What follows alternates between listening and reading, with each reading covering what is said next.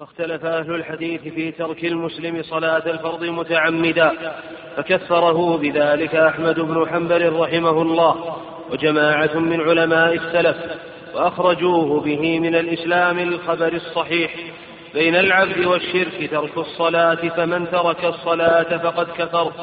وذهب الشافعي وأصحابه وجماعة من علماء السلف رحمة الله عليهم أجمعين إلى أنه لا يكفر ما دام معتقدا لوجوبها. لا يكفر. إلى أنه لا يكفر نعم. إلى أنه لا يكفر ما دام معتقدا لوجوبها وإنما يستوجب القتل كما يستوجبه المرتد عن الإسلام. وتأولوا الخبر من من ترك الصلاة جاحدا لها كما أخبر سبحانه عن يوسف عليه الصلاة والسلام أنه قال إني تركت ملة قوم لا يؤمنون بالله وهم بالآخرة هم كافرون. ولم يك تلبس بكفر ففارقه ولكن ولم يكن؟ ولم يك تلبس. نعم. ولم يك تلبس بكفر ففارقه ولكن تركه جاحدا له. نعم. هذه المسألة مسألة عظيمة وهي مسألة حكم تارك الصلاة. تهاونا وكسلا. ما حكمها؟ مسألة عظيمة وجديرة بالعناية والبحث ولهذا اعتنى بها العلماء. أما من ترك الصلاة جاحدا لوجوبها هذا كافر بإجماع المسلمين. ليس محل النزاع من ترك الصلاة جاحدا لوجوبها فهذا كافر بإجماع المسلمين. حتى ولو صلى. إذا جحد وجوب الصلاة هذا كافر ولو صلى. لو صلى ويجحد الصلاة كفر. حتى لو جحد الزكاة كفر. ولو زكى. لو جحد الصوم كفر. يقول الصوم ما هو واجب. إن شاء من من شاء صام ومن شاء فليصوم. يكفر. بإجماع المسلمين. أو جحد تحريم الزنا يكفر. ولو لم يزن جحد تحريم الربا يكفر. ولو لم يرابي. جحد شرب الخمر يكفر. ولو لم يشرب الخمر. هذا ليس محل النزاع. واضح؟ من جحد أمرا معلوم من الدين بالضرورة وجوبه أو أمرا معلوم من الدين بالضرورة تحريمه هذا كافر بالإجماع. ما في خلاف. باجماع المسلمين من جحد وجوب الصلاة أو وجوب الزكاة أو وجوب الصوم أو وجوب الحج مما هو أمر معلوم من الدين بالضرورة وجوبه هذا يكفر بالإجماع. أو جحد أمرا معلوما من الدين بالضرورة تحريمه. تحريم جحد تحريم الزنا تحريم الربا تحريم الخمر تحريم حقوق الوالدين. لكن الشيء المختلف فيه ما يكفر لو جحد الوضوء من أكل لحوم الإبل. ما يكفر لأن مسألة خلافية. بعض العلم يرى الوجوب وبعضهم لا يرى الوجوب لو جحد تحريم الدخان هل يكفر؟ نقول ما يكفر لأن المسألة فيها شبهة. وإن كان الصواب أن الدخان حرام لكن بعض الناس يشبه بعض الناس له شبهة وبعض الناس يجد من يفتيه. من غير هذه البلاد من يفتيه بأن الدخان ليس بحرام. فلأجل الشبهة لا يكفر لكن تحريم الخمر في اشكال من جحد تحريم الخمر هذا مجمع على تحريمه هذا بالإجماع. محل النزاع الذي ذكره المؤلف رجل ترك الصلاة وهو يؤمن بوجوبها ويعتقد أنها واجبة وأنها فريضة لكن كسل وتهاون. حمله على الكسل والتهاون. ويعتقد أنها واجب ويعلم أنها واجبة. ما ما حكمه؟ هل يكفر أو لا يكفر؟ فيها قولان لأهل العلم. في هذه المسألة قولان لأهل العلم. القول الأول أنه يكفر كفرا أكبر مخرجا من الملة وهذا هو الذي أجمع عليه الصحابة. ونقل الإجماع على على هذا إجماع الصحابة التابعي الجليل عبد الله بن شقيق العقيلي. فإنه, فإنه قال رحمه الله كان أصحاب محمد صلى الله عليه وسلم لا يرون شيئا تركه كفر غير الصلاة. إذا هذا إجماع. نقل عبد الله بن شقيق العقيلي التابعي الجليل إجماع الصحابة على أن تارك الصلاة كافر ونقلها أيضا محمد بن إسحاق إسحاق بن راهوية الإمام المشهور.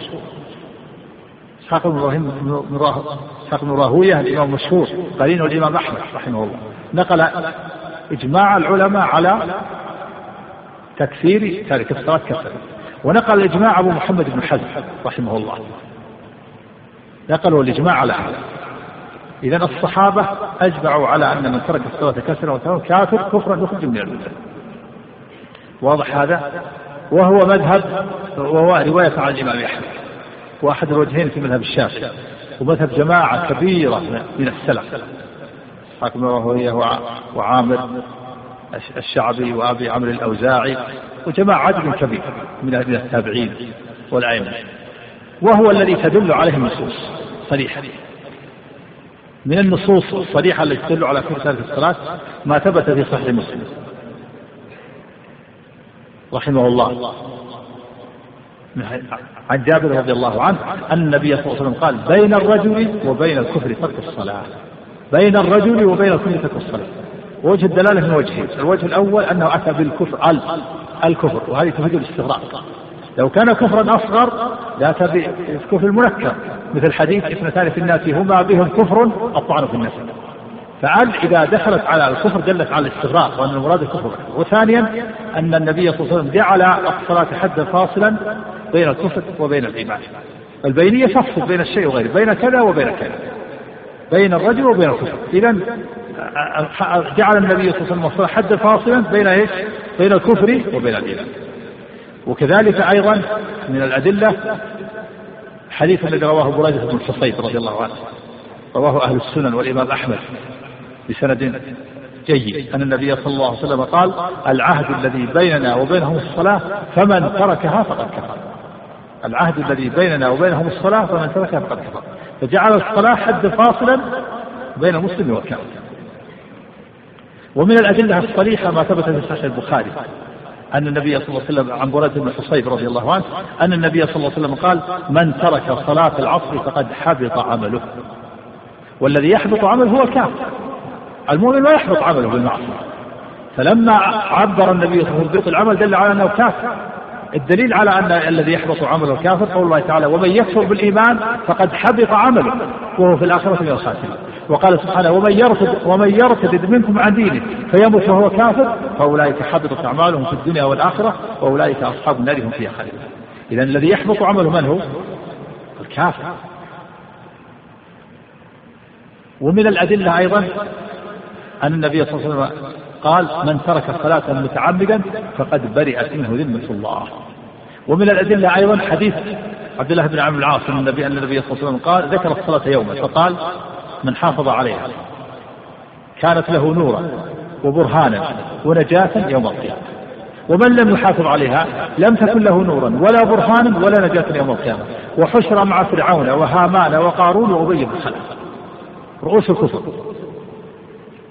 فكونه يحشر مع هؤلاء الكفرة دليل على أنه كافر مثلهم.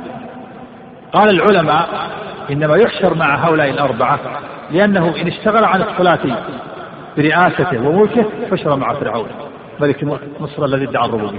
وإن اشتغل عن الصلاة بوزارته حشر مع هامان وزير فرعون.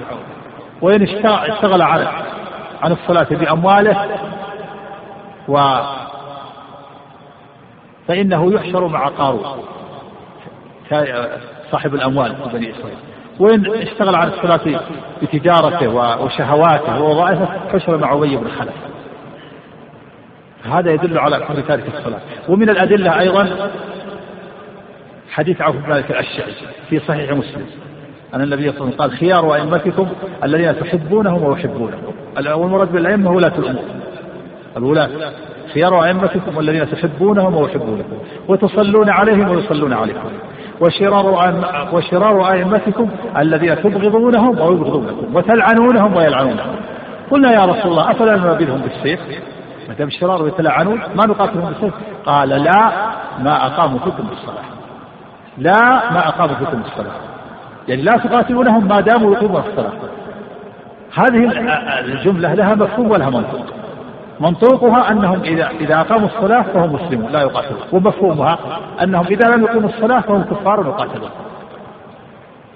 ويدل على هذا أيضا الحديث الآخر أيضا في صحيح مسلم.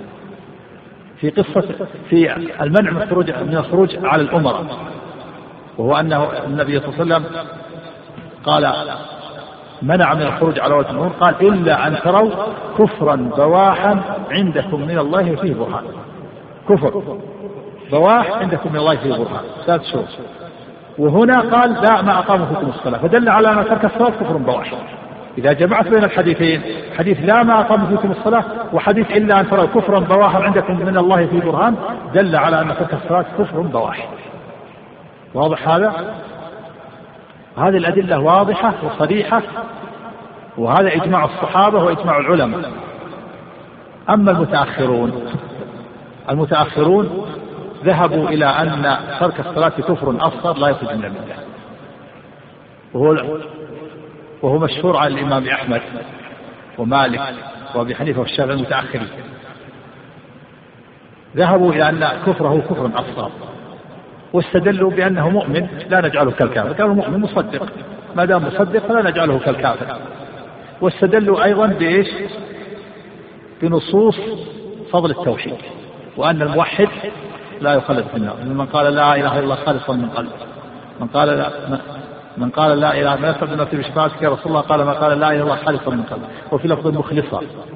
وفي لفظ خالصا. وفي لفظ غير الشاك وفي حديث عتبان فإن الله حرم على النار. من قال لا إله إلا الله يبتغي بذلك وجه الله.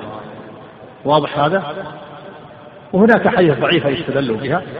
والجواب عنها الجواب أن هذه الأحاديث التي فيها فضل التوحيد مقيدة مقيدة بعدم ترك الصلاة. لأن لأن أداء الصلاة شرط في صحة التوحيد. نقول من ترك الصلاة فهو ليس بموحد. من قال لا إله إلا الله يبتغي بذلك وجه الله هل يمكن أن يكون الإنسان يقول لا إله إلا الله يبتغي بذلك وجه الصلاة وجه, وجه, وجه الله ويترك الصلاة؟ ما يمكن. فإذا الصلاة فرق في صحة التوحيد والإيمان. فنقول من لم يصلي ليس بموحد ولا مؤمن. وتنتقم عليه كلمة لا إله إلا الله. لو قال لا إله إلا الله ولم يصلي بطلت. مثل لو قال لا إله إلا الله ثم سب الله أو سب الدين أو سب الإسلام. يبقى يبقى يبقى التوحيد ولا يذهب؟ يذهب.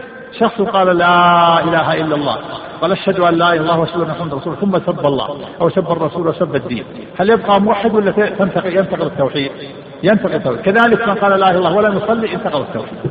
ترك الشرط شرط. كما من صلى ولم يتوضأ. هل يصح؟ تصح الصلاة. لماذا؟ لأن الطهارة شرط للصلاة. فكذلك الصلاة شرط في صحة التوحيد. من قال لا الله ولم يصلي لم يصح توحيده ولا إيمان وبهذا يتبين أن القول بكفر تارك الصلاة كسلا وتهاونا هو الصواب. أما القول الثاني يقول يكفر كفر أصغر واتفقوا جميعا على أنه يقتل. اتفقوا على أنه يقتل. لكن من قال انه يكفر كفرا أكبر يقول يقتل ولا يغسل ولا يصلى عليه ولا يدفن على المسلمين في مقابرهم ولا يرث ولا يقتل أما الذين قالوا لا يكفر قالوا لا. يقتل حدا ويغسل ويصلى عليه ويدفن على المسلمين في مقابرهم. وأبو حنيفة قال يحبس. يحبس حتى حتى يتوب أو يموت. يحبس ويعزر يجلد ويضرب ويحبس حتى نتركه في الحبس حتى يموت أو يصلي. والجمهور قال والآخرون قالوا يقتل. ما نتركه نستتيب وإن تاب وإلا قتل. قطعنا رقبته ونغسله ونصلي عليه. أما الصواب الذي عليه الجمهور أنه يقتل كفرا ولا يغسل ولا يصلي عليه ولا يدخل على المسلمين في مقابره الآن عرفنا الآن الحكم. نقرأ كلام المؤلف رحمه الله. شوف الآن. قال المؤلف رحمه الله حكم تارك الصلاة وإنما تكلمت يعني في هذه المسألة لأن المسألة هذه عمت فيها البلوى الآن. هناك كثير من الناس والعياذ بالله صاروا لا يبالون بالصلاة طيب من ترك الصلاة حتى خرج وقتها؟ حديث بريدة حديث البخاري من ترك الصلاة من ترك صلاة العصر فقد حبط عمله يدل على أنه يكفر. ومن ذلك الشخص الذي لا يصلي الفجر إلا بعد الشمس. الصلاة محدد وقتها بإيش؟ بطلوع الشمس. ولو صلى الإنسان قبل دخول الوقت هل تصح؟ ما تصح. وإذا صلى بعد خروجها لا تصح إلا من عذر وهذا لا عذر له. ليس نائم ولا معذور ومن عذر فيه ولا متأول ولا ناسي. أما الناسي هذا معذور. من نام عن صلاة إلى نسيها فلو صلى إلى الكلام لكن إذا كان الإنسان متعمد يوميا ما يصلي الفجر إلا بعد الشمس.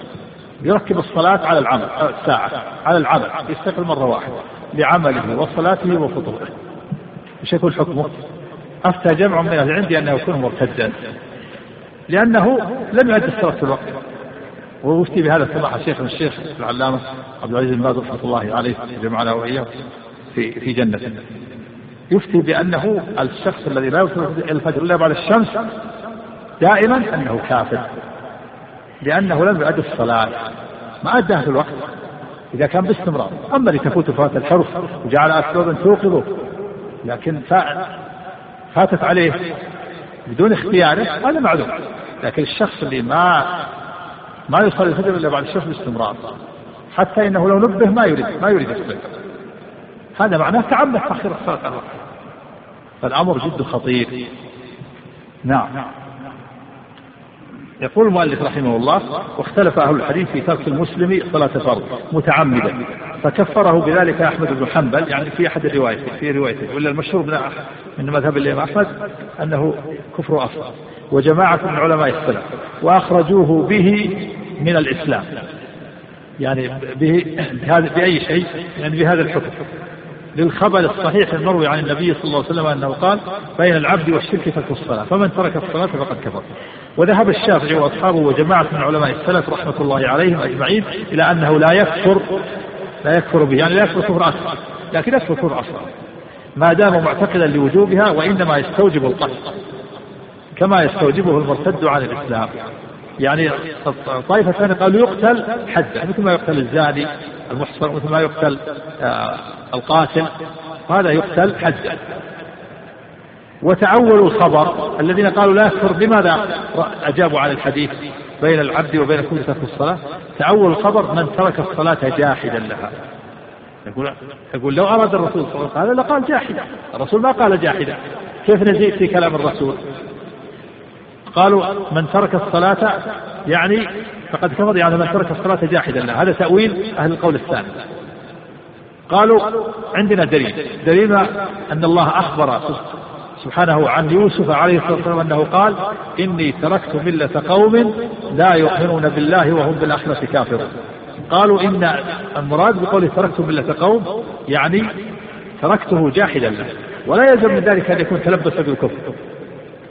إني تركت ملة قوم لا يؤمنون بالله وهم أي تركته جاحدا له وإن لم يكن تلبسا بالكفر. فكذلك قال من ترك الصلاة جاحدا يعني من ترك الصلاة من ترك الصلاة يعني جاحدا لوجوبها. لكن هذا التأويل ليس ليس بظاهر. الصواب القول الأول. نعم. ومن قول أهل السنة والجماعة في أكساب العباد إنها مخلوقة لله تعالى لا ينكرون فيه ولا يعدون من أهل الهدى ودين الحق من ينكر هذا القول وينفيه. نعم. من قول أهل السنة والجماعة في أكساب العباد أنها مخلوقة لله تعالى. لا ينكرون فيه ولا يعدون من أهل الهدى ودين الحق من ينكر هذا القول وينفيه أهل السنة يقولون إن الله تعالى خلق العباد وخلق أفعاله فأفعال العباد مخلوقة لله. الله تعالى خلق ذاته وصفاته وأفعاله مخلوقة.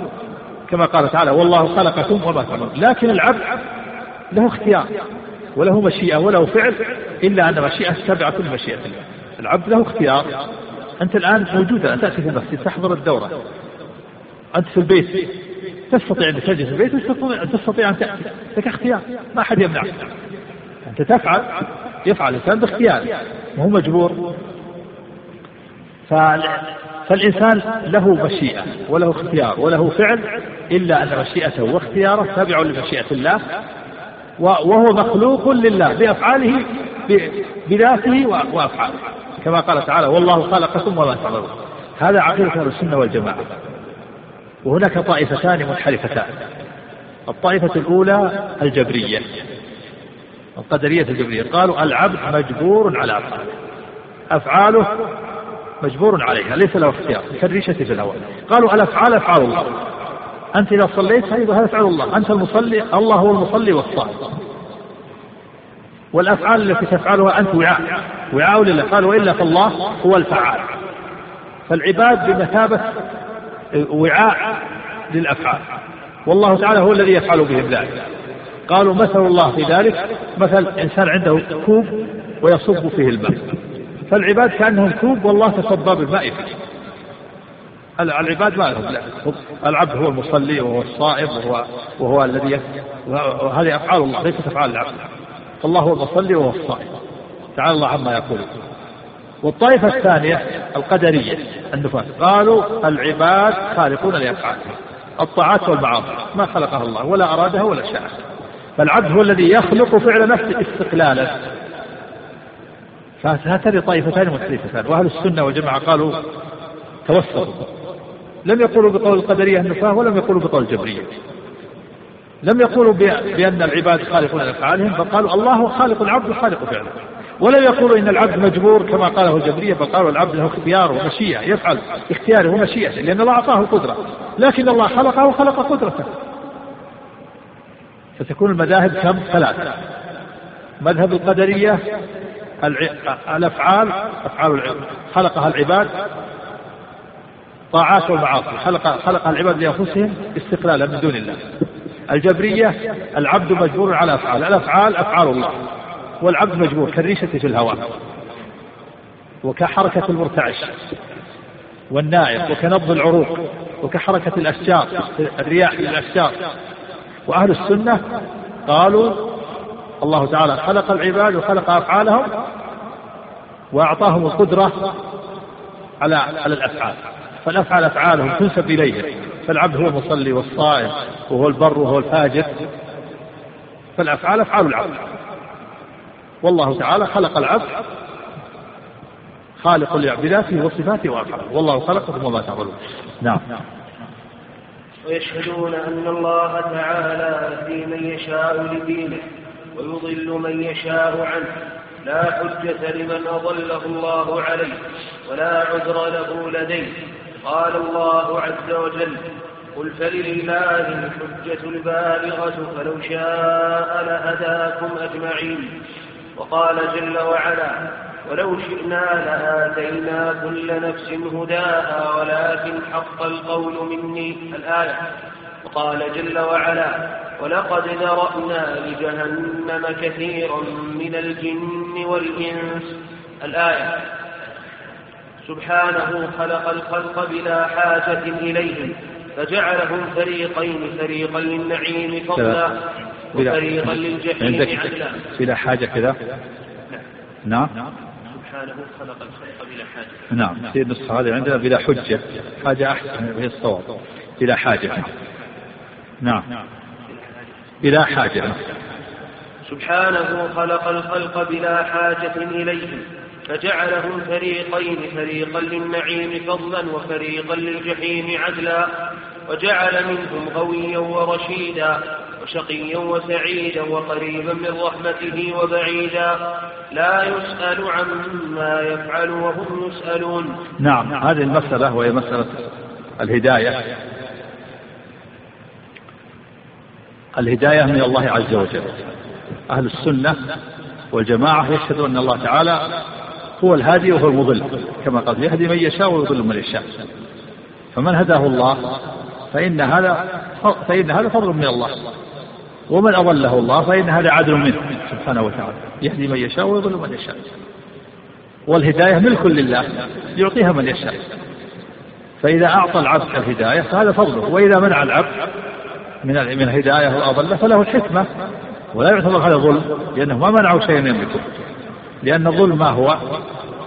الظلم هو وضع الشيء في غير موضعه الذي حرمه الله على نفسه وضع الشيء في غير موضعه كأن يمنع أحدا من ثواب عمله أو يحمله سيئات غيره هذا تنزه الله عنه. وحرمه على نفسه. آه. هذا أما فهذا مذهب أهل السنة والجماعة أن الهداية من الله والإضلال والله تعالى يهدي من يشاء ويضل من يشاء. وقالت المعتزلة القدرية إن الله لا يهدي من يشاء ولا يضل من يشاء. فالعبد هو الذي يهدي نفسه ويضل نفسه. أعوذ بالله. وقالوا لا فرق بين بين المؤمن المطيع وبين العاصي. فالمؤمن اختار الهداية بنفسه والكافر اختار الإضلال بنفسه. والله ما هدى هذا ولا أضل هذا. لا هذا اختار الإيمان بنفسه والله ما قدر له الهداية وهذا اختار الإضلال بنفسه وقالوا مثل الله في ذلك لأنه ممثل يمثل الله بخلقه ويقسم بخلقه. مثل رجل له ابنان له ابنان أعطاهما سيفين كل واحد أعطاه سيفا وأمرهما أن يجاهدا به في سبيل الله. فالأول جاهد به في سبيل الله امتثل أمر والآخر جعل يقطعه رقاب المسلمين ويقطع رقاب المسلمين. فهذا اختار الضلال وهذا اختار الهداية وهذا من أفضل الباطل. الصواب الذي عليه السنة والجماعة أن الله يهدي من يشاء ويضل من يشاء. والله تعالى خص العبد المؤمن بنعمة دينية.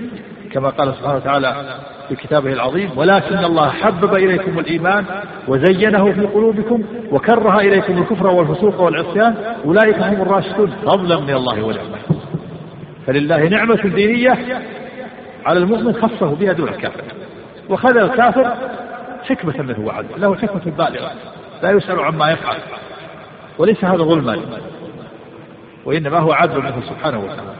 أما المعتزلة القدرية قالوا الله لا يضل أحد ولا يهدي أحد.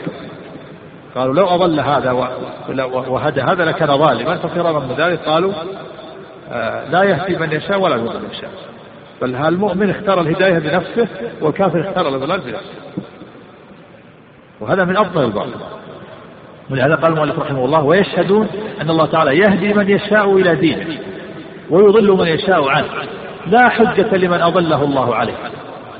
ولا عذر له لديه لأن الله تعالى أعطى الإنسان السمع والبصر والفؤاد والعقل ميزة عن الحيوانات ولهذا إذا فقد العقل ارتفع التكليف يعني إذا فقد العقل الصغير الذي لم يبلغ والمجنون والشيخ الكبير الهرم الذي زال عقله لا تكليف عليه. إذا فقد العقل زال التكليف. ويشهدون أن الله تعالى يهدي من يشاء إلى دينه ويضل من يشاء عنه. لا حجة لمن أضله الله عليه ولا عذر له لديه. قال الله عز وجل قل لله الحجة البالغة فلو شاء لهداكم أجمعين. وقال عز والشاهد من الآية فلو شاء لهداكم أجمعين. إذا لو شاء لهدى الناس أجمعين لكن أكثر حكمته أن يهدي من يشاء ويضل من يشاء. وقال عز وجل ولو شئنا لآتينا كل نفس هداها. ولكن حق القول مني. الشاهد أن الله تعالى قال لو شئنا لآتينا كل نفس هداها. الهداية بيد الله. وقال عز وجل ولقد ذرأنا لجهنم كثيرا من الجن والإنس. إذا قال لهم قلوب لا يفقهون بها ولهم أعين لا يبصرون بها ولهم آذان لا يسمعون بها أولئك كالأنعام بل هم أضل أولئك هم الغافلون. أضلهم الله حكمة منه وعدل. فهو سبحانه خلق الخلق بلا حاجة إليه وهو محتاج إلى الخلق فجعلهم فريقين. فريقا للنعيم وهم المؤمنون الذين من الله عليهم بالهداية للإسلام. وفريقا للجحيم وهم الذين أضلهم الله عدلا منهم وجعل منهم غويا ورشيدا وهو المؤمن. وشقيا وسعيدا وهو الكافر. وشقي جعل غويا وهو الكافر. ورشيدا وهو المؤمن. وشقيا وهو الكافر. وسعيدا وهو المؤمن. وقريبا من رحمته وبعيدا لا يسأل عما يفعل وهم يسألون لا يسأل عما يفعل بكمال حكمته. لا يسأل لأنه حكيم. فالطوائف هنا في مسألة الهداية ثلاث طوائف. أهل السنة والقدرية والجبرية. القدرية قالوا لا إن الله لا يهدي من يشاء ولا يضل من يشاء. بل كل المؤمن يهدي نفسه والكافر يضل نفسه. ويجيبون عن عن قوله يضل من يشاء ويهدي من يشاء. قالوا معناها يسميه. يسميه هاديا ويسميه ضالا. والجبرية قالوا الله تعالى يتصرف في ملكه بما يشاء. والله تعالى له أن يقرب التشريعات والجزاءات. والعبد ما و والله تعالى يتصرف في ملكه بما يشاء ولا يسمى هذا ظلم.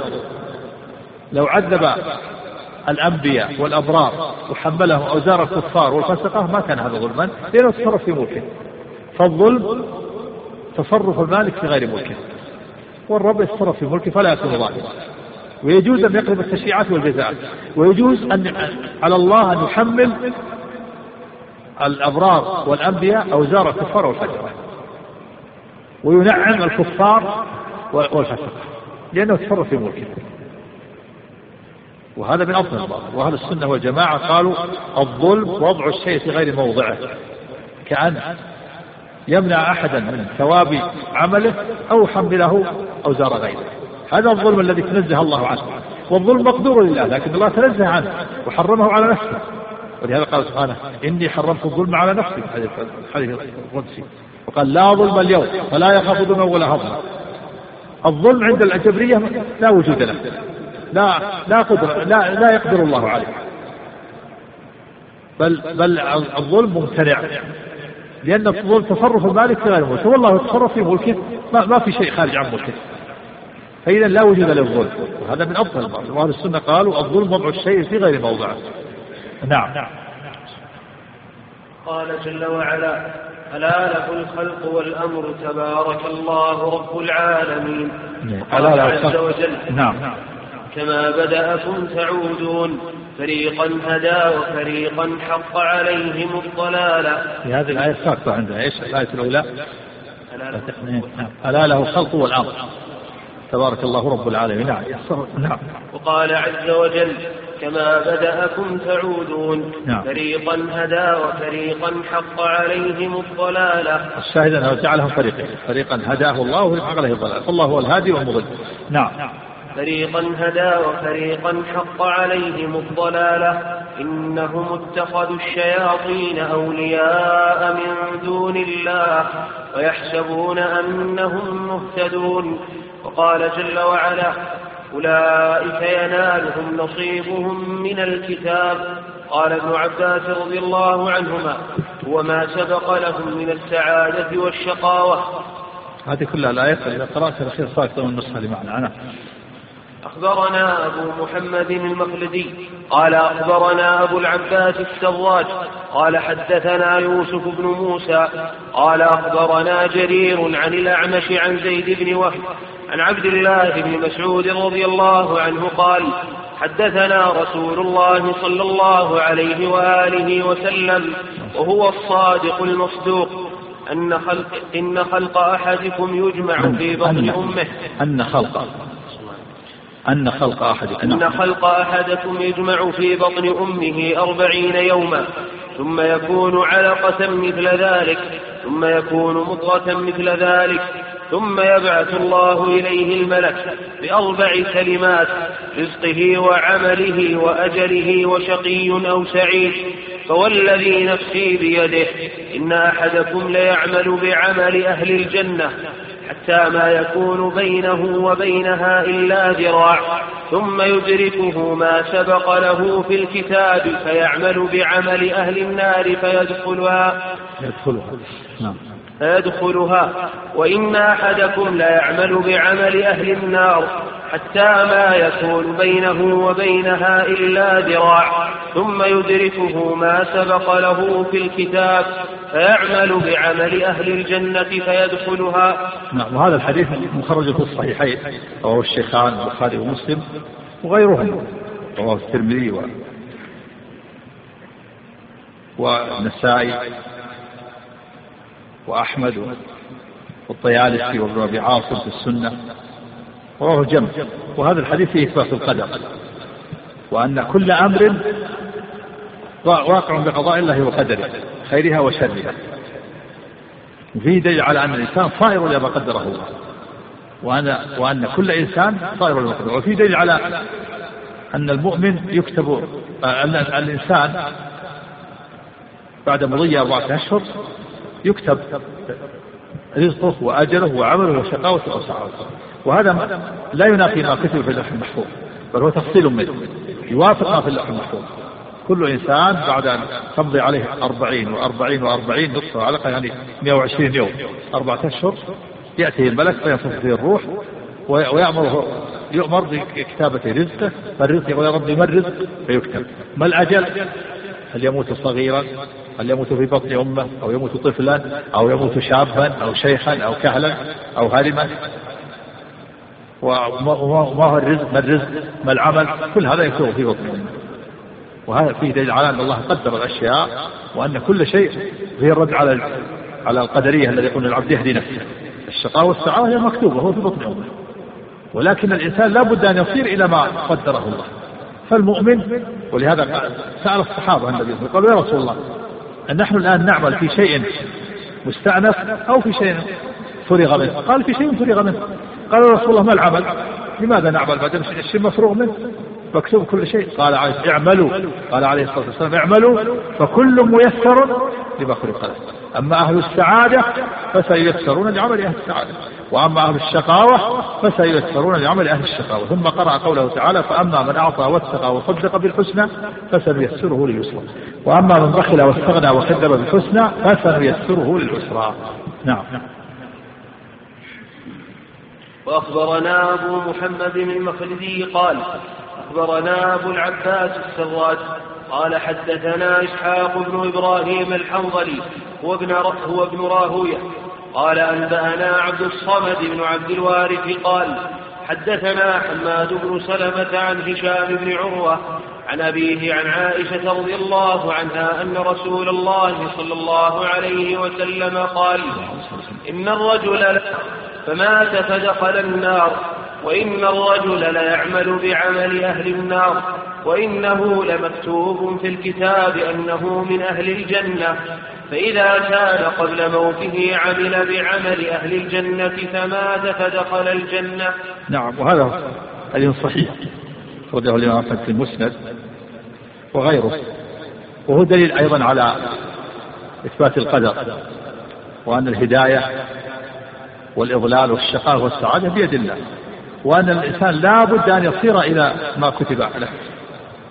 وأن الإنسان لا بد أن يصير إلى ما كتب له. فالمؤمن لا بد أن يموت على التوحيد ثم يدخل الجنة. والكافر لا بد أن يموت على النار لا بد أن يموت على الكفر ثم فيدخل النار. نسأل الله السلامة والعافية نعم ويشهد أهل السنة ويعتقدون. وفيه الرد على القدرية يقول الإنسان يهدي نفسه. قالوا ما الإنسان يهدي نفسه ويضل نفسه ويشقي نفسه ويسعد نفسه. هكذا يقول القدرية هذا من أفضل الباطل. نعم. ويشهد أهل السنة ويعتقدون أن الخير والشر والنفع والضر بقضاء الله وقدره لا مرد لها ولا محيص ولا محيد عنها ولا يصيب المرء إلا ما كتبه له ربه. ولو جهد الخلق أن ينفعوا المرء. ولو جهد. ولو جهد الخلق أن ينفعوا المرء بما لم يكتبه الله له لم يقدروا عليه. ولو جهدوا أن يضروه بما لم يقضه الله لم يقدروا. على ما ورد به خبر عبد الله بن عباس رضي الله عنهما عن النبي صلى الله عليه وآله وسلم قال الله عز وجل وإن يمسسك الله بضر فلا كاشف له إلا هو وإن يردك بخير فلا راد لفضله. نعم هذا مذهب السنة والجماعة في الخير والشر. يشهد أهل السنة والجماعة ويعتقدون أن الخير والشر والنفع والضر والحلو والمر كله بقضاء الله وقدره. كل شيء مقدر. كل شيء مقدر. حتى العجز والكيس كل شيء مكتوب في اللوح المحفوظ. حتى العجز. الشيء تعجز عنه. والكيس النشاط والقوة. كل شيء مكتوب. كان الإنسان يكسل عن الشيء. يقول كسلان يريد أن يقوم يفعل خير ثم ثم يقول أنا أنا ما نبذل شيء اليوم. مكتوب هذا. الكسل مكتوب والعجز. العجز والكيس. كل شيء مكتوب في اللوح المحفوظ. وكل شيء قدره الله. قال الله تعالى وعنده مفاتح الغيب لا يعلمها إلا هو ويعلم ما في البر والبحر وما تسقط من ورقة إلا يعلمها ولا حبة في ظلمات الأرض ولا رطب ولا يابس إلا في كتاب كل شيء مكتوب. فالشر والخير والنفع والضر كله بقضاء الله وقدره. ولا مرد لهما ولا محيص ولا محيد عنهما. ولا يصيب المرء إلا ما كتب له ربه. كل ما يصيب الإنسان من, من أوجاع وأمراض والموت الذي يصيبه والهم والغم والحزن وإيذاء الناس له والنقص الذي يحصل عليه في ماله وفي بدنه. كل شيء مكتوب. لا يصيب المرء إلا ما كتب له ربه. ولو جهد الخلق يعني لو اجتهدوا أن ينفعوا المرء بما لم يكتبه الله لم يقدروا عليه. ولو جهد الخلق يعني عملوا جهدهم في أن يضروه بما لم يقضه الله عليه لم لو لو اجتمع الخلق كلهم من أولهم إلى آخرهم أن يوصلوا إليك خيرا ما أراده الله ما استطاع ولو جهد اجتمع الخلق كلهم من أولهم إلى آخرهم إنس وجن على أن يضروك بشيء والله ما كتبه الله عليك لم يستطيع قال الله تعالى في كتابه العظيم ما يفتح الله من رحمة فلا ممسك له وما يمسك فلا مرسل له من بعده وهو العزيز الحكيم. كما وكما ورد الخبر عن عبد الله بن عباس الذي اشار المؤلف رحمه الله النبي أن قال وهو حديث صحيح لا بأس به قال الترمذي إنه حديث حسن صحيح. يقول كنت خلف رسول الله صلى الله عليه وسلم يوما. فقال يا غلام إني إني إني أعلمك الكلمات. فاحفظ الله يحفظك احفظ الله تجده تجاهك. إذا سألت فاسأل الله وإذا استعنت فاستعن بالله. واعلم أن الأمة لو اجتمعوا على أن ينفعوك بشيء لم ينفعوك إلا بشيء قد كتبه الله لك. ولو اجتمعوا على أن يضروك بشيء لم يضروك إلا بشيء قد كتبه الله عليك. رفعت الأقلام وجفت الصحف. انتهى الأمر. كل شيء مكتوب. وقال عز وقال الله عز وجل وإن يمسسك الله بضر فلا كاشف إلا له. إلا. وإن يردك بخير فلا راد لفضله. يصيب به من يشاء من عباده وهو الغفور إذا مسك ضر ما يستطيع الخلق كلهم من أولهم إلى آخرهم أن يرفعوا هذا الضر إلا إذا أراد الله. وإذا أصابك خير قدر الله لك خير لا يستطيع الخلق كلهم أن يمنعوا هذا الخير إلا إذا أراد الله. نعم. ومن مذهب أهل السنة وطريقتهم مع قولهم بأن الخير والشر من الله وبقضائه. أنه لا يضاف إلى الله تعالى ما يتوهم منه نقص على الانفراد. فيقال يا خالق القردة والخنازير والخنافس والجعلان وإن كان لا مخلوق إلا والرب وإن كان لا مخلوق إلا والرب خالقه وفي ذلك ورد قول رسول الله صلى الله عليه وآله وسلم في دعاء الاستفتاح تباركت وتعاليت والشر ليس إليك. ومعناه والله أعلم والشر ليس مما يضاف إليك إفرادا وقصدا حتى يقال لك في المناداة يا خالق الشر ويا مقدر الشر وإن كان هو الخالق والمقدر لهما جميعا. لذلك أضاف الخضر عليه الصلاة والسلام إرادة العيب إلى نفسه فقال فيما أخبر الله عنه في قوله جل وعلا أما السفينة فكانت لمساكين يعملون في البحر فأردت أن أعيبها. ولما ذكر الخير والبر والرحمة أضاف إرادتها إلى الله عز وجل فقال فأراد ربك أن يبلغا أشدهما ويستخرجا كنزهما رحمة من ربك. ولذلك قال مخبرا عن إبراهيم عليه الصلاة والسلام أنه قال وإذا مرضت فهو يشفين. فأضاف المرض إلى نفسه والشفاء إلى ربه وإن كان الجميع منه. نعم. يقول المؤلف رحمه الله إن من عقيدة السنة والجماعة مع كونهم يؤمنون بأن الخير والشر من الله والضر والنفع من الله لا يضيفون الشر إلى الله تنزيها له. لا يضاف إلى الشر إلى الله. وإنما الخير يضاف إلى الله والشر لا يضاف إليه.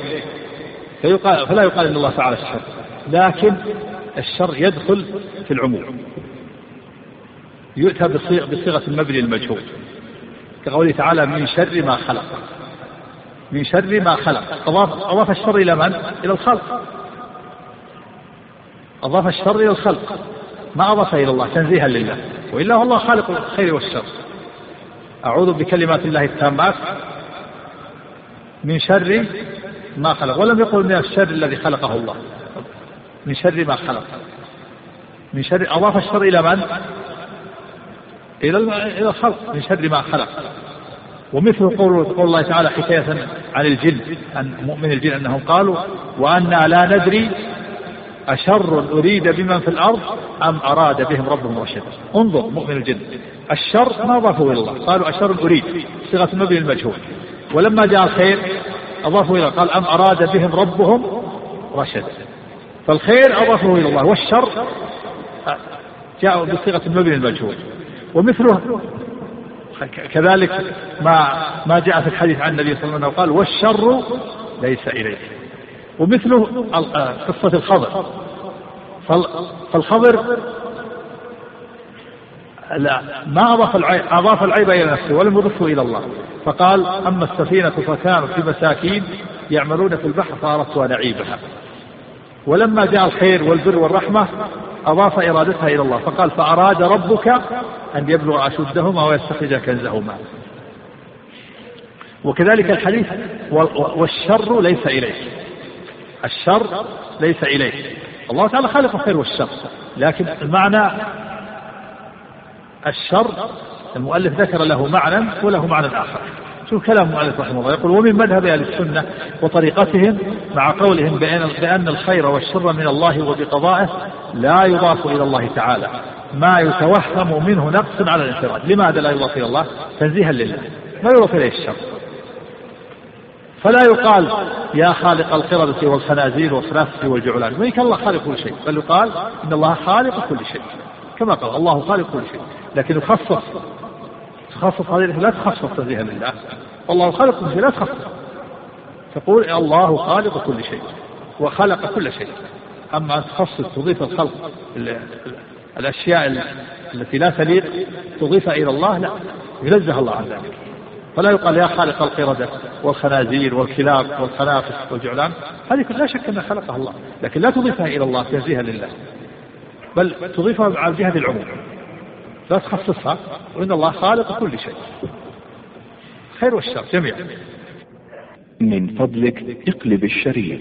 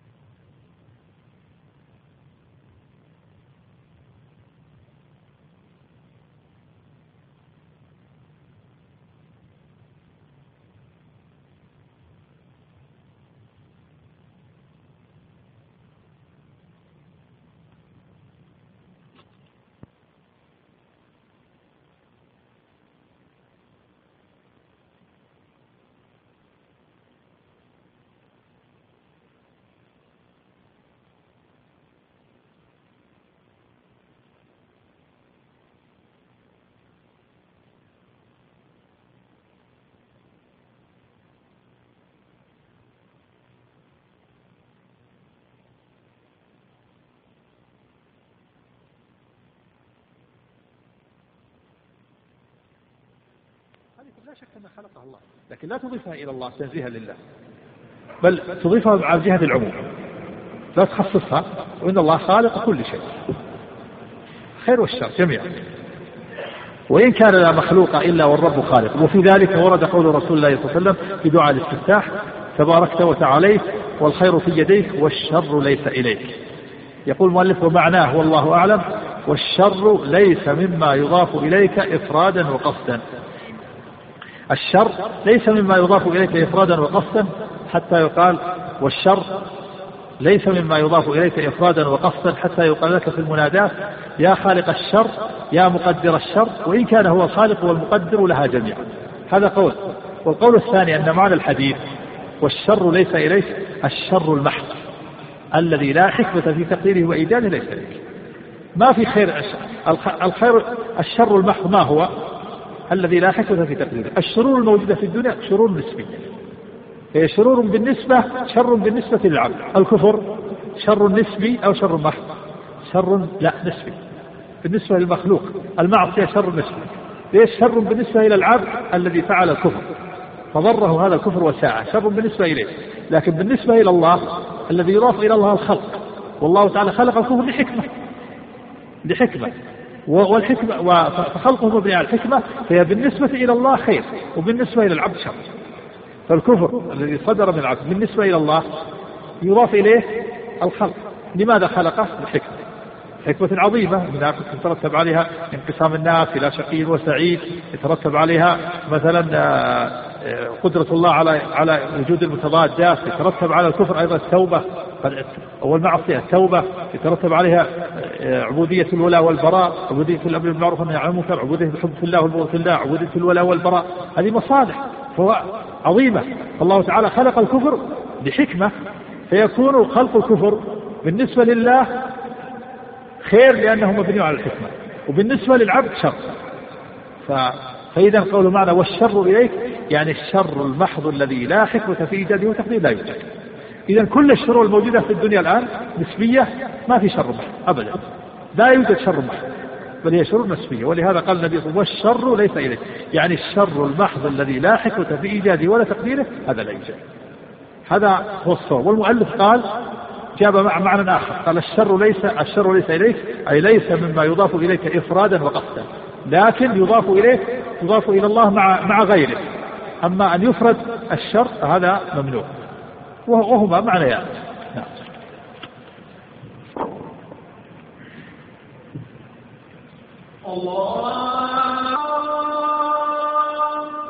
لا إله إلا الله اللهم صل وسلم على اللهم رب هذه الدعوة التامة والصلاة القائمة آت محمد وسلم والفضيلة والمقام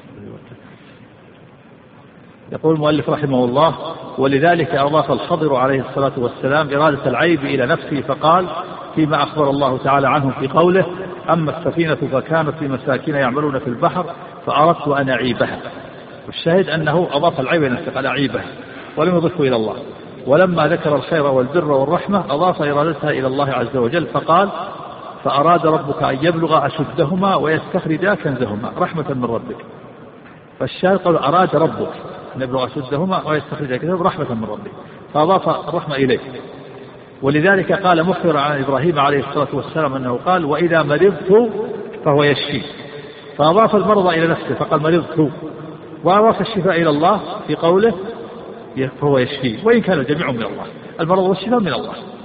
المرض والشفاء من الله. لكن إبراهيم عليه أضاف المرض إلى نفسه وأضاف الشفاء إلى الله. فإذا الشر لا يضاف إلى الله وإن كان الله خالق الخير والشر. ولكن يدخل في جملة المخلوقات التي قدرها الله. نعم. ومن مذهب أهل السنة والجماعة أن الله عز وجل مريد لجميع أعمال العباد خيرها وشرها ولم يؤمن أحد إلا بمشيئته ولو شاء لجعل الناس أمة واحدة ولو شاء ألا يعصى ما خلق إبليس. فكفر الكافرين وإيمان المؤمنين بقضائه سبحانه وتعالى وقدره وإرادته ومشيئته أراد كل ذلك وشاءه وقضاه ويرضى الإيمان والطاعة ويسخط, ويسخط الكفر والمعصية. قال الله عز وجل إن تكفروا فإن الله غني عنكم ولا يرضى لعباده الكفر وإن تشكروا يرضه لكم ويعتقد ويشهد. نعم هذه هذه المسألة وهي مسألة المشيئة والإرادة. عقيدة أهل السنة والجماعة أن الإرادة نوعان. إرادة قدرية خلقية كونية. ترادف المشيئة. وإرادة دينية شرعية أمرية ترادف الرضا الرضا والمحبة. إذا الإرادة عند أهل السنة والجماعة نوعان. إرادة كونية خلقية إرادة كونية خلقية قدرية. هذه عامة تشمل جميع الأشياء. وهذه ترادف المشيئة. مثل قوله تعالى فمن يريد الله أن يهديه يشرح صدره للإسلام. ومن يريد أن يضله يجعل صدره ضيقا حرجا كأنما يصعد في السماء إن الله يحكم ما يريد. والنوع الثاني إرادة دينية شرعية أمرية ترادف المحبة والرضا. كقوله تعالى يريد الله بكم اليسر ولا يريد بكم العسر. هذه إرادة دينية شرعية. والفرق بين الإرادتين أن الإرادة الكونية الخلقية لا يتخلف مقتضاها وأما الإرادة الدينية الشرعية قد تحصل وقد لا تحصل. الإرادة الكونية لا, لا بد أن لا بد أن يحصل مقتضاها فإذا أراد الله كونا وقدرا من هذا العبد هذا الفعل لا بد أن يفعل. إذا أراد منه أن يموت لا بد أن يموت. ما يتخلف. أما الإرادة الدينية الشرعية قد تحصل وقد تحصل وقد لا تحصل. فالله تعالى أراد من العباد كلهم الإيمان والصلاة لكن منهم من آمن ومنهم من لم يؤمن. فالدينية الدينية الشرعية قد يتخلف مرادها والكونية لا يتخلف. هذا الفرق الفرق الثاني بين الإرادتين أن الإرادة الكونية الخلقية تجتمع الإرادة الكونية والإرادة الدينية تجتمعان في حق المؤمن. حق المؤمن المؤمن تجتمع فيه الإرادتان الكونية والدينية. والكافر تنفرد في حقه الكونية فالله تعالى أراد الإيمان من أبي بكر كونا وقدرا ودينا وشرعا فوقع. والله أراد الإيمان من أبي لهب دينا وشرعا ولكنه لم يرده كونا وقدرا. فأيهما وقع؟ الإرادة الكونية. الإرادة الكونية بس أراد الله الإيمان من أبي لهب دينا وشرعا أمر. ولكن ما أراده كونا وقدرا لحكمة وأراد الإيمان من أبي بكر كونا وقدرا ودينا وشرعا. فاجتمعت الإرادتان في حق المؤمن تجتمع الإرادتان في حق المؤمن المطيع وتنفرد الكونية في حق الكافر والعاصي. واضح هذا؟ هذا مذهب السنة والجماعة. أهل البدع لهم مذهبان. المذهب الأول الجبرية من الأشاعرة والجهمية. قالوا ما في إلا إرادة واحدة إرادة كونية قدرية. وأنكروا الإرادة الدينية الشرعية. والمعتزلة والقدرية أثبتوا الإرادة الدينية والشرعية وأنكروا الإرادة الكونية. فكان كل من الجبرية والقدرية ما عندهم إلا نوع واحد من الإرادة. وأهل السنة قسموا الإرادة إلى قسمين على حسب النصوص. إرادة كونية قدرية إرادة كونية قدرية خلقية ترادف المشيئة. وإرادة دينية شرعية أمرية ترادف المحبة والرضا. الجبرية من الأشاعرة والجهمية لم يثبتوا إلا نوع واحد من الإرادة وهي الإرادة الكونية القدرية وأنكروا الإرادة الدينية. والقدرية المعتزلة وغيرهم أثبتوا الإرادة الدينية والشرعية وأنكروا الإرادة الكونية والقدرية. وأهل السنة أثبتوا الإرادتين الكونية القدرية والدينية الشرعية. عملا بالنصوص. طيب نقرأ كلام المؤلف رحمه الله. يقول وكذلك من مذهب أهل السنة والجماعة أن الله عز وجل مريد لجميع أعمال العباد خيرها وشرها. لم يؤمن أحد إلا بمشيئته ولم يكفر أحد إلا بمشيئته. ولو شاء لجعل الناس أمة واحدة. لكن له حكمة بالغة. قسمهم إلى شقي وسعيد. ولو شاء قال تعالى ولو شاء ربك لآمن من في الأرض كلهم جميعا. ولو شاء لا يعصى ما خلق إبليس. خلق الحكمة. وكفر الكافرين وإيمان المؤمنين وإلحاد الملحدين وتوحيد الموحدين وطاعة المطيعين ومعصية العاصين كلها بقضائه سبحانه وقدره وإرادته ومشيئته وله حكمة بالغة. أراد كل ذلك وشاءه وقضى. ويرضى الإيمان والطاعة. ويسخط الكفر والمعصية. ولا يرضى لعباده الكفر. ولا ويرضى الإيمان والطاعة ويسخط الكفر والمعصية ولا يرضاها. قال الله عز وجل إن تكفروا فإن الله غني عنكم ولا يرضى لعباده الكفر وإن تشكروا يرضه لكم. نعم. ويعتقد ويشهد أصحاب الحديث أن عواقب العباد مبهمة لا يدري أحد بما يختم له. ولا يحكمون لواحد بعينه أنه من أهل الجنة ولا يحكمون على أحد بعينه أنه من أهل النار لأن ذلك مغيب عنهم لا يعرفون على ما يموت عليه الإنسان ولذلك يقولون إنا مؤمنون إن شاء الله أي من المؤمنين الذين يختم لهم بخير إن شاء الله ويشهدون لمن مات على الإسلام أن عاقبته الجنة فإن الذين سبق القضاء عليهم من الله يعذبون بالنار مدة. أنهم أنهم يعذبون. نعم. فإن الذين سبق القضاء عليهم من الله أنهم يعذبون بالنار مدة. لذنوبهم التي اكتسبوها ولم يتوبوا منها فإنهم يردون أخيرا إلى الجنة. ولا يبقى أحد في النار من المسلمين فضلا من الله ومنه. ومن مات والعياذ بالله على الكفر فمرده إلى النار. لا ينجو منها ولا يكون لمقامه فيها منتهى. نعم هذه المسألة وعواقب العباد. مبهمة لا أحد يدري ما يختم للإنسان. ولهذا فإن أهل السنة والجماعة لا يشهدون لأحد بعين أنهم من أهل الجنة ولا أحد بعين بأنهم من أهل النار إلا من شهدت له النصوص. كالعشرة المبشرين بالجنة نشهد لهم بالجنة. أبو بكر وعمر وعثمان وعلي والزبير وطلحة بن عبيد الله وسعد بن أبي وقاص وسعيد بن زيد بن عمرو بن نفيل وعبد الرحمن بن عوف وأبو عبيدة بن الجراح. هؤلاء العشرة شهد شهد لهم النبي صلى الله عليه وسلم بالجنة فنشهد لهم بالجنة. وكذلك الحسن والحسين وابن عمر كذلك وعبد الله بن سلام شهد له النبي بالجنة وعكاشة بن محسن وغيره. وكذلك أيضا أهل بيعة الرضوان لا يلد النار أحد ضايع تحت الشجرة. من شهد له النبي صلى الله عليه وسلم بالجنة نشهد له بالجنة.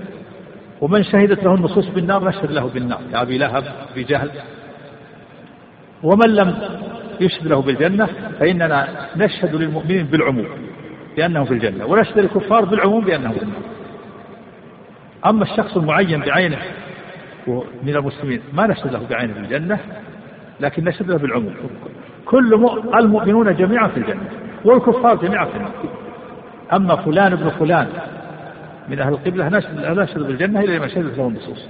وفلان ابن فلان لا يشهد عليه بالنار إلا إذا علمنا أنه مات على الكفر وقامت عليه الحجة. يهودي قامت عليه الحجة أو نصراني أو إنسان آه، قامت عليه الحجة يعبد الأصنام والأوثان والحجة قائمة عليه. نعم نعم. ومات على ذلك نشهد له بالكفر ونشهد له بالنار.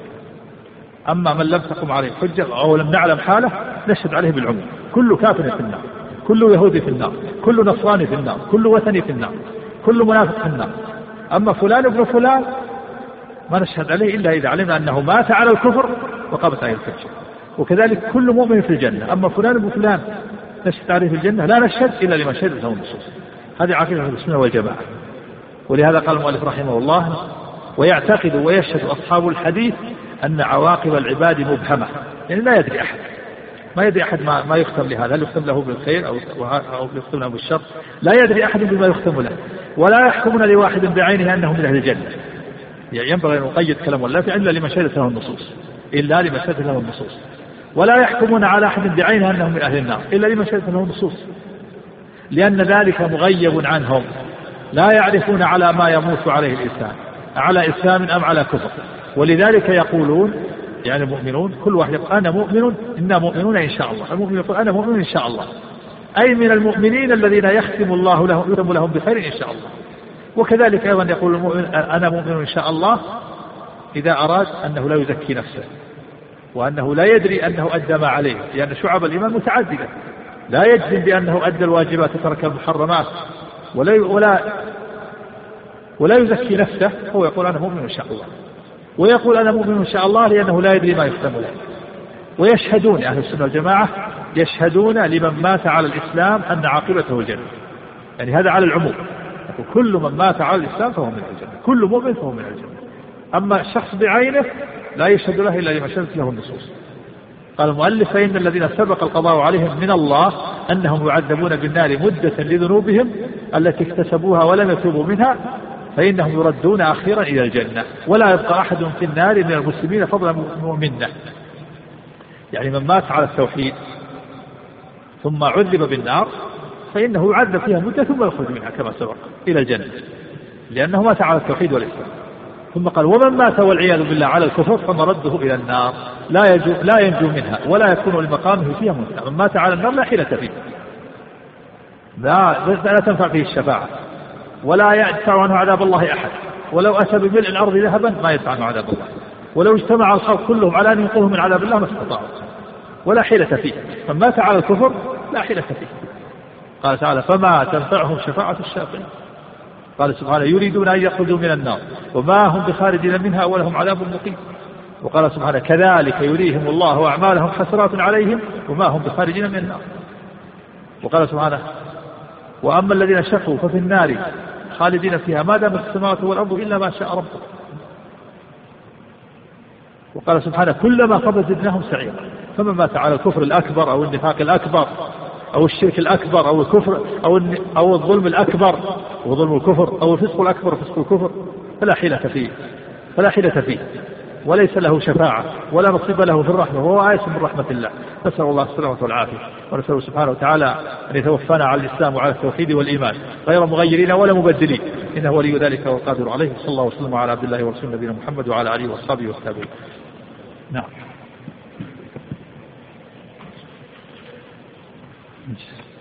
نعم. بسم الله الرحمن الرحيم. يقول السائل إذا كان الله جل وعلا قد أراد الهداية وشاءها فلماذا العباد يعملون أو يعملون في الدعوة إلى الله مع أن الله يعلم أن هذا الإنسان سوف يهديه وأن هذا سوف يضل؟ هذا عجبت عن هذا وقلت أن الصحابة يستشكلوا هذا وقالوا يا رسول الله ما يكدح الناس فيه ويعملون. هل في شيء مستقبل مستأنف أو في شيء فرغ منه؟ قال في شيء فرغ منه. فقال النبي صلى الله عليه وسلم اعملوا فكل ميسر لما خلق له. أما أهل السعادة فسييسرون لعمل أهل السعادة. وأما أهل الشقاوة فسييسرون لعمل أهل الشقاوة. ثم قرأ قوله تعالى فأما من أعطى واتقى وصدق بالحسنى فسنيسره لليسرى. وأما من بخل واستغنى وكذب بالحسنى فسنيسره العسرى هذا مغيب عنك هذا إلى الله. القدر إلى الله. أنت ليس من شؤونك. أنت عبد مأمور. اعمل بطاعة الله وتعمل ما حرم الله عليك. أما القدر هذا إلى الله لا تنظر إليه.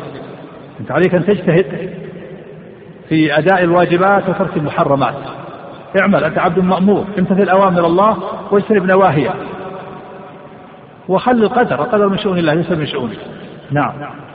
يقول السائل من المعلوم أن من شروط التكفير إقامة الحجة فما المراد بها؟ وهل كون الإنسان يفهم القرآن ويقرأه تكون الحجة عليه قائمة؟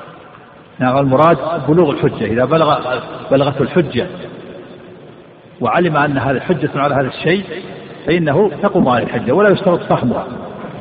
قال الله تعالى وما كنا معذبين حتى نبعث رسولا. فقد بعث الرسول فقد قامت الحجة على من؟ بلغت نبوة النبي صلى الله عليه وسلم. قال سبحانه وأوحي إلي هذا القرآن لينذركم به ومن بلغ. فمن بلغه القرآن فقد قامت عليه الحجة. قال سبحانه وما كان الله ليضل قوما بعد إذ هداهم حتى يبين لهم ما يتقون. ولم يقل حتى يتبين.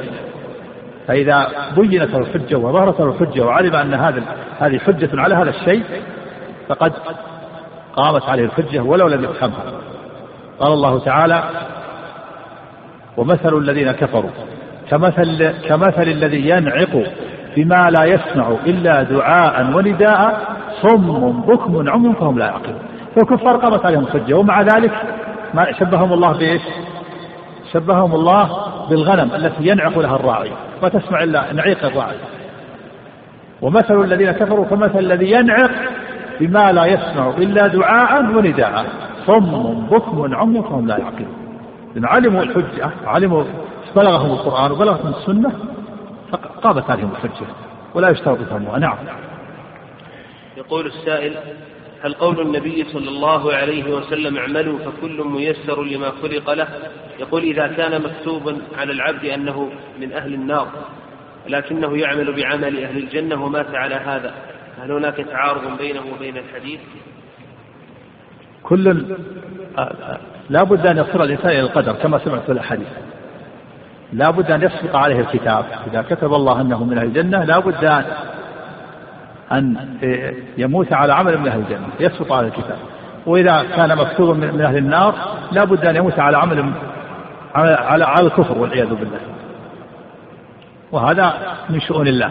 ليس إليك. أنت عليك أن تجتهد في أداء ما أوجب الله عليك وترك ما حرم الله عليك. نعم. يقول رجل صلى إمام في جماعة وقام إلى خامسة ونبهه المأمومون ولم يرجع. لكنهم تابعوه إلا رجلا واحدا جلس حتى سلم الإمام. فما حكم صلاة الإمام وكذلك المأمومين الذين فتحوا على الإمام وتابعوه في الخامسة؟ وكذلك حكم صلاة الرجل الذي جلس ولم يتابع الإمام؟ إذا قام الإمام إلى خامسة في الرباعية أو قام إلى رابعة في الثلاثية كالمغرب أو قام إلى ثالثة في الثنائية كالفجر والجمعة فإن على المأموم أن ينبهوه. يجب على المأمومين أن ينبهوه سبحان الله سبحان الله.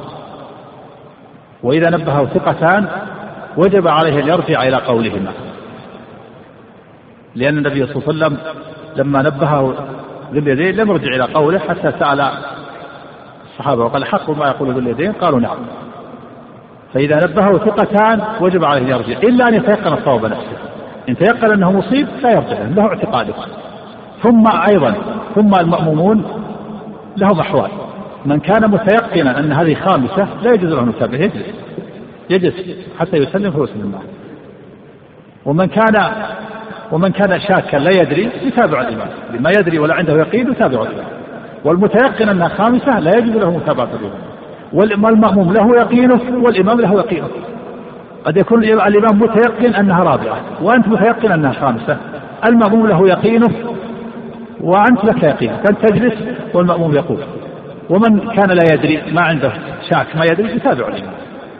لكن من كان عنده يقين أنها خامسة فلا يتابع الإمام في الخامسة. فإن تابعه متعمدا عالما بطلت صلاته أما إذا تابع جاهل إذا تابع جاهل يظن أنه يجب متابعته فصلاته صحيحة. لكن من تابعه متعمدا عالما بالحكم فصلاته باطلة. وأما الذي لا يدري ليس عنده يقين يتابع الإمام. نعم. هذا السائل يسأل عن عبارة موجودة في الحاشية يقول ينقل المحشي عن شيخ الإسلام رحمه الله. إيش؟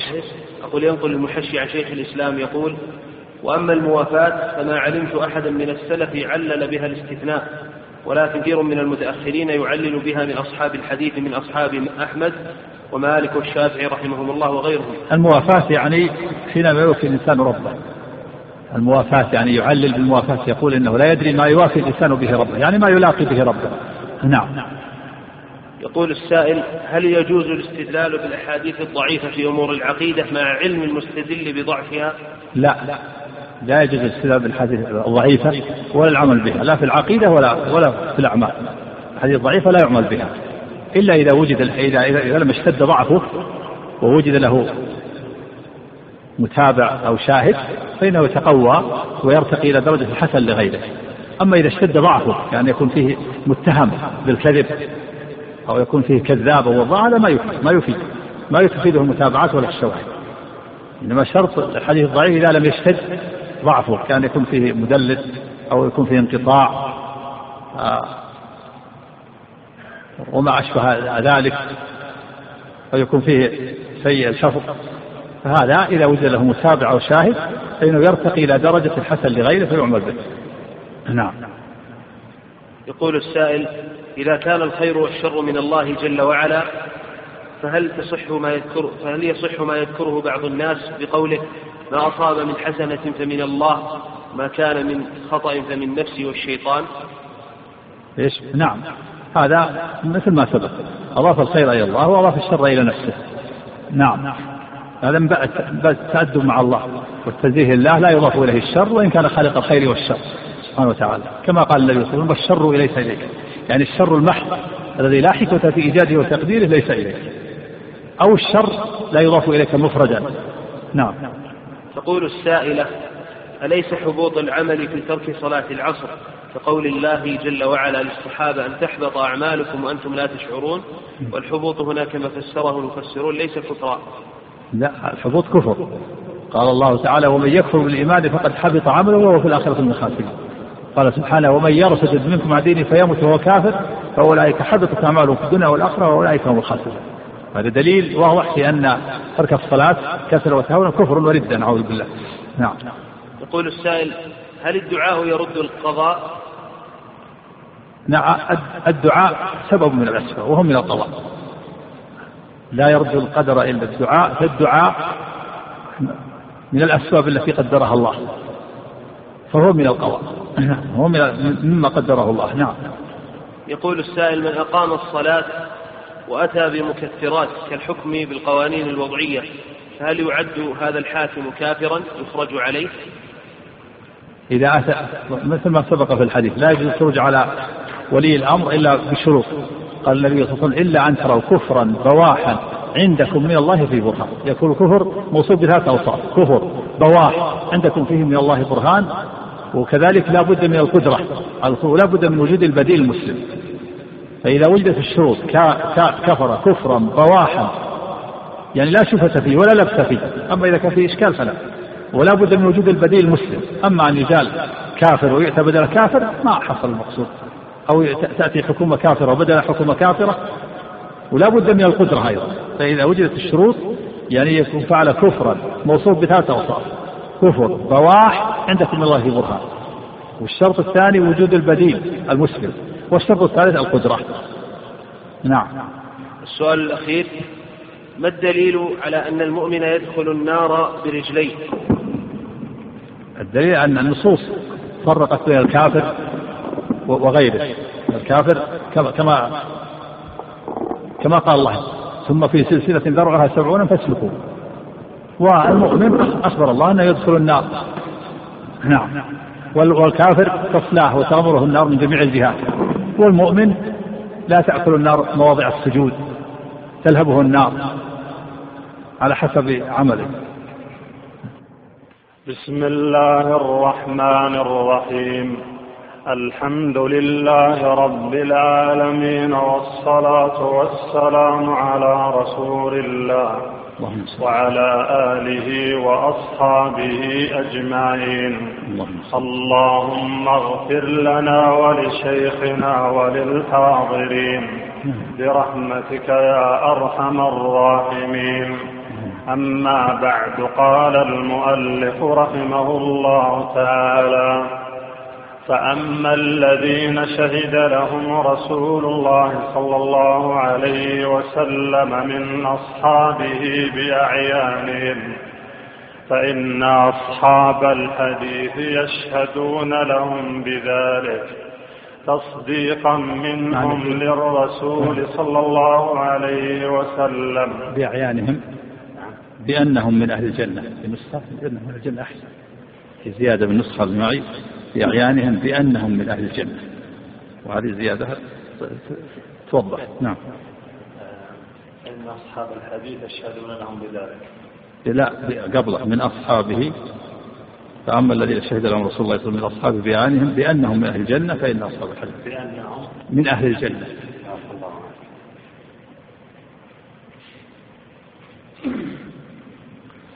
فأما الذين شهد لهم رسول الله صلى الله عليه وسلم من أصحابه بأعيانهم بأنهم من أهل الجنة فإن أصحاب الحديث يشهدون لهم بذلك. تصديقا منهم للرسول صلى الله عليه وسلم فيما ذكر فيما ذكره ووعده لهم فإنه صلى الله عليه وسلم لم يشهد لهم بها إلا بعد أن عرف ذلك. والله تعالى أطلع رسوله صلى الله عليه وسلم على ما شاء من غيبه وبيان ذلك في قوله عز وجل عالم الغيب فلا يظهر على غيبه أحدا إلا من ارتضى من رسول. وقد بشر صلى الله عليه وسلم عشرة من أصحابه بالجنة وهم أبو بكر وعمر وعثمان وعلي وطلحة والزبير. بالرفع هم أبو بكر وعمر وعثمان. نعم. وهم أبو بكر وعمر وعثمان وعلي وطلحة وطلحة والزبير وعبد الرحمن بن عوف وسعد وسعد وسعيد وأبو عبيدة بن الجراح. وكذلك قال لثابت بن قيس بن شماس رضي الله عنه إنه من أهل الجنة. قال أنس بن مالك فلقد كان يمشي بين أظهرنا ونحن نقول إنه من أهل الجنة. ويشهدون بسم الله, بسم الله الرحمن الرحيم. الحمد لله رب العالمين. صلى الله وسلم وبارك على عبد الله ورسوله نبينا محمد وعلى آله وأصحابه أجمعين. أما بعد فإن عقيدة أهل السنة والجماعة أنهم يشهدون لمن شهد له النبي صلى الله عليه وسلم بالجنة. كالعشرة المبشرين بالجنة. وثابت بن قيس بن شماس فإن النبي صلى الله عليه وسلم قال له أنت من أهل الجنة. كان خطيب النبي صلى الله عليه وسلم وكان يرفع صوته آه، لحضرة النبي صلى الله عليه وسلم لأنه خطيب والخطيب يحتاج إلى رفع الصوت. فلما نزل قوله تعالى آه، يا أيها الذين آمنوا لا ترفعوا أصواتكم فوق صوت النبي ولا تجهروا له بالقول كجهر بعضكم لبعض أن تحبط أعمالكم وأنتم لا تشعرون. خاف رضي الله عنه جلس في بيته يبكي فخاف أن يحبط عمله. فسأل عنه النبي صلى الله عليه وسلم فقال فأرسل إليه فقال للرسول إنه من أهل النار لأنه يرفع صوته فوق آه، صوت النبي صلى الله عليه وسلم. فقال النبي أخبروه أنه من أهل الجنة وليس من أهل النار. هذه شهادة للنبي صلى الله عليه وسلم شهد له وكذلك الحسن والحسين شهد لهم النبي صلى الله عليه وسلم بأنهم سيد شباب أهل الجنة. وكذلك عكاشة بن محصن عبد الله بن عمر بلال بن رباح رأى النبي خشخشة أمامة في الجنة عبد الله بن السلام وجماعة شهد لهم النبي صلى الله عليه وسلم. العشرة المبشرون بالجنة الذين عدهم المؤلف رحمه الله كلهم يشهد لهم بالجنة. هذا عقيدة السنة والجماعة. من شهد له النبي صلى الله عليه وسلم بالجنة نشهد له بالجنة. كذلك أهل بيعة الرضوان. لا لا يلج النار أحد بايع تحت الشجرة وكانوا 1400 أهل بدر كذلك قال النبي اعملوا فإن وما يدرك يا عمر لعل الله اطلع على أهل بدر فقال اعملوا ما شئتم فقد غفرت لكم.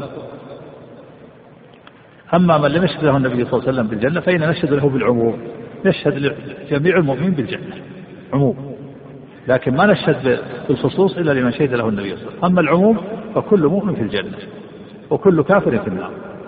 اليهود في النار والنصارى في النار والوثني والوثنيون في النار والمنافقون في الدرك من النار.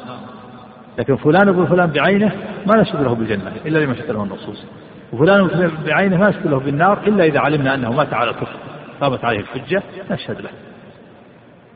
هذا هو عقيدة أهل السنة. مثل أبو لهب شهدت له النصوص في القرآن بأنه بالنار في النار. وأبو جهل في النار. وما عدا ذلك فإن نشهد للمؤمنين.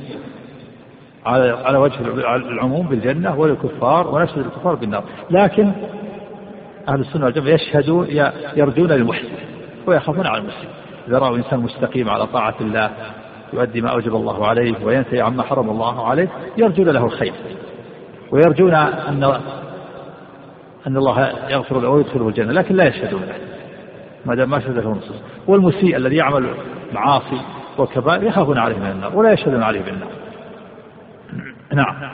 ولهذا قال المؤلف رحمه الله فأما الذين شهد لهم رسول الله صلى الله عليه وسلم من أصحابه بأعيانهم بأنهم من أهل الجنة فإن أصحاب الحديث يشهدون لهم بذلك تصديقا للرسول عليه الصلاة والسلام فيما ذكره ووعده لهم فإنه صلى الله عليه وسلم لم يشهد لهم بها إلا بعد أن عرف ذلك. والله تعالى أطلع رسوله على ما شاء من غيبه. وبيان ذلك في قوله عز وجل عالم الغيب فلا يظهر على غيبه أحدا إلا من ارتضى من رسول. النبي صلى الله عليه وسلم ينزل عليه الوحي. فإذا شهد لأحد بالجنة فإن هذا من الغيب الذي يطلعه الله عليه. قال الله تعالى وما ينطق عن الهوى إن هو إلا وحي يوحى. قد بشر رسول الله صلى الله عليه وسلم عشرة من أصحابه بالجنة وهم أبو بكر عبد الله بن عثمان وعمر وعثمان وعلي وطلحة والزبير وعبد الرحمن بن عوف وسعد بن أبي وقاص وسعيد بن زيد بن عمرو بن نفير وأبو عبيدة بن الجراح. هؤلاء عشرة. يقال لهم العشرة المبشرون بالجنة. وكذلك قال ثابت بن قيس بن شماس أنت من أهل الجنة. لما جلس في البيت يبكي ولست من أهل النار. قال أنس بن مالك رضي الله عنه فلقد كان يمشي بين أظهرنا ونحن نقول إنه في إنه في الجنة ومن أهل الجنة. نعم. ويشهدون ويعتقدون أن أفضل أصحاب رسول الله صلى الله عليه وآله وسلم أبو بكر.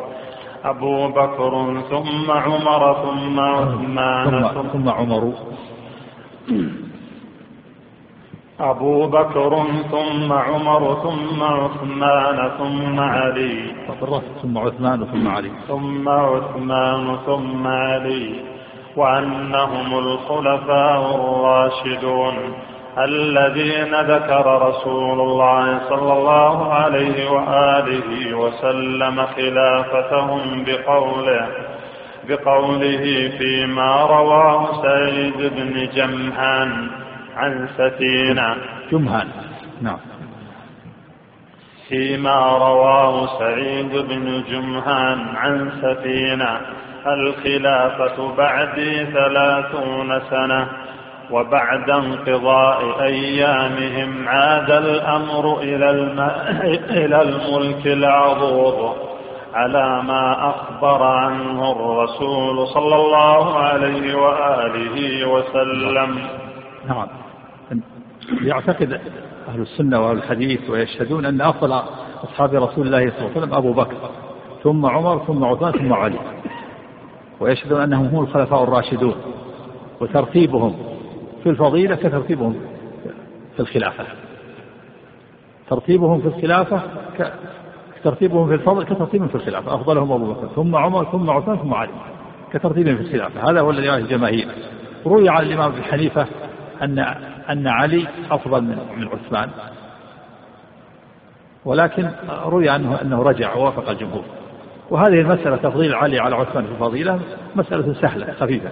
لكن تقديم علي على عثمان في الخلافة هذا أمر منكر.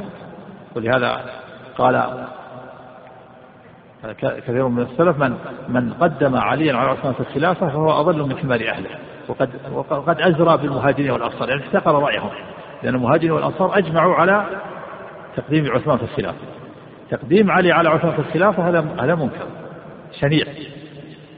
هذا باطل. أما تقديم علي على عثمان في الفضيلة هذا سهل. قال به بعض أهل السنة روي عن الإمام ابن حنيفة ولكنه روي أنه رجع ووافق الجمهور. وهم الخلفاء الراشدون وخلافتهم خلافة نبوة. ولهذا قال النبي صلى الله عليه وسلم في حديث السفينة الخلافة بعدي ثلاثون سنة. هو حديث حسن لا بأس به. ثم قال أمسك خلافة أبي بكر سنتان. وخلافة عمر عشر سنوات. وخلافة عثمان ثنتا عشرة سنة. وخلافة علي ستا. هذا الترتيب. فتكون الجميع, الجميع ثلاثين سنة. لكن هذا فيه جبر للكسر. خلافة أبي بكر سنتان وثلاثة أشهر. وخلافة عمر عشر سنوات ونصف. وخلافة عثمان ثنتي عشرة سنة. وخلافة علي كذا سنين وأشهر ثم بقي من الثلاثين سنة ستة أشهر التي تولى فيها الحسن بن علي رضي الله عنه وتنازل فيها لمعاوية. فتمت الخلافة ثلاثون سنة. في نهاية الستة الأشهر التي تنازل فيها الحسن بن علي لمعاوية انتهت الخلافة الراشدة وبدأ الملك. وأول ملوك المسلمين هو معاوية بن أبي سفيان رضي الله عنه. ولهذا قال المؤلف وبعد انقضاء أيامهم عاد الأمر إلى عاد الأمر إلى الملك. العروض على ما أخبر عنه رسول الله صلى الله عليه وسلم. لكن معاوية هو صحابي جليل وخلافته وإن لم تكن كخلافة الخلفاء الراشدين إلا أنه آه، ملك عادل وصحابي جليل. نعم. أصحاب الحديث خلافة أبي بكر رضي الله عنه. بعد وفاة رسول الله صلى الله عليه وآله وسلم باختيار الصحابة واتفاقهم عليه وقولهم قاطبا رضيه رسول الله صلى الله عليه وسلم لديننا فرضيناه لدنيانا يعني أنه استخلف يعني أنه استخلفه في إقامة الصلوات المفروضات بالناس أيام مرضه وهي الدين. فرضيناه خليفة للرسول صلى الله عليه وسلم علينا في أمور دنيانا. وقولهم قدمك رسول الله صلى الله عليه وسلم فمن ذا الذي يؤخرك؟ وأرادوا أنه صلى الله عليه وسلم قدمك بالصلاة بنا أيام مرضه. فصلينا وراءك بأمره فمن ذا الذي يؤخرك؟ بعد تقديمه إياك. وكان رسول الله صلى الله عليه وسلم يتكلم في شأن أبي بكر رضي الله عنه في حال حياته بما يبين للصحابة أنه أحق الناس بالخلافة بعده فلذلك اتفقوا عليه واجتمعوا فانتفعوا بمكانه. فانتفعوا بمكانه والله وارتفعوا به وارتفقوا. حتى قال أبو هريرة رضي الله عنه والله الذي لا إله إلا هو لولا أن أبا بكر استخلف لما عبد الله ولما قيل له محيا أبا هريرة قام بحجة قام بحجة صحة قوله فصدقوه فيه وأقروا به. نعم. أهل الحديث وأهل السنة والجماعة يثبتون خلافة أبي بكر رضي الله عنه بعد وفاة رسول الله صلى الله عليه وسلم وأنه الخليفة الأول خلافا للرافضة الذين يقولون الخليفة الأول هو علي رضي الله عنه وأن أبا بكر اغتصب الخلافة منه. وكذلك عمر وكذلك عثمان. هذا قول باطل. الذي عليه أهل السنة والجماعة والحديث أن أبا بكر هو الخليفة الأول. وثبتت الخلافة لأبي بكر باختيار الصحابة وانتخابهم. هذا هو الأرجح. وقال بعض العلماء ثبتت خلافة أبي بكر بالنص. واستدلوا بأدلة منها أن النبي صلى الله عليه وسلم لما جاءت امرأة وقالت أرأيت إن جئت؟ قال لها تأتيني. ائتني في وقت في وقت لاحق. فقالت أرأيت إن جئت ولم أتيك تعني الموت؟ فقال إن لم تجري لي فأتي أبا بكر. قالوا هذا دليل على أنه الخليفة وكذلك أيضا روي في هذا منامات. وروي وكذلك أيضا تقديم النبي صلى الله عليه وسلم له في آه، أيام مرضه الصلاة. وكذلك قوله لو كنت متخذا خليلا اتخذت أبا بكر خليلا. بعض العلماء قال أنها ثبتت بالنص والذين قالوا بالنص على قولين. منهم قال منهم من قال ثبتت بالنص الجلي ومنهم من قال ثبتت بالنص الخفي. وقال آخرون أنها ثبتت بالانتخاب والاختيار وهذا هو الأرجح أنها ثبتت باختيار الصحابة وانتخابهم. واستدلوا بهذه الأدلة على أنه هو على أنه هو على أنه هو الخليفة. دلوا بكون النبي صلى الله عليه وسلم مقدمة للصلاة. هذا دليل على أنه هو الحق بالخلافة. وكذلك أيضا لما أراد النبي صلى الله عليه وسلم أن يكتب كتابا. واختلفوا عنده قال قوموا ثم قال يأبى الله والمسلمون إلا أبا بكر. يعني يأبى الله تقديرا وقضاء والمسلمون اختيارا وانتخابا إلا أبا بكر. فالصواب أنها ثبتت الخلافة لأبي بكر بالاختيار والاستخار من الحل والعقل. واستدلوا بإرشاد النبي صلى الله عليه وسلم إلى اختيار يعني اختاروه استدلوا ب ما تبقى من مادة هذا الشريط تتابعونها في الشريط التالي. مع تحيات إخوانكم في تسجيلات الراية الإسلامية بالرياض والسلام عليكم ورحمة الله وبركاته.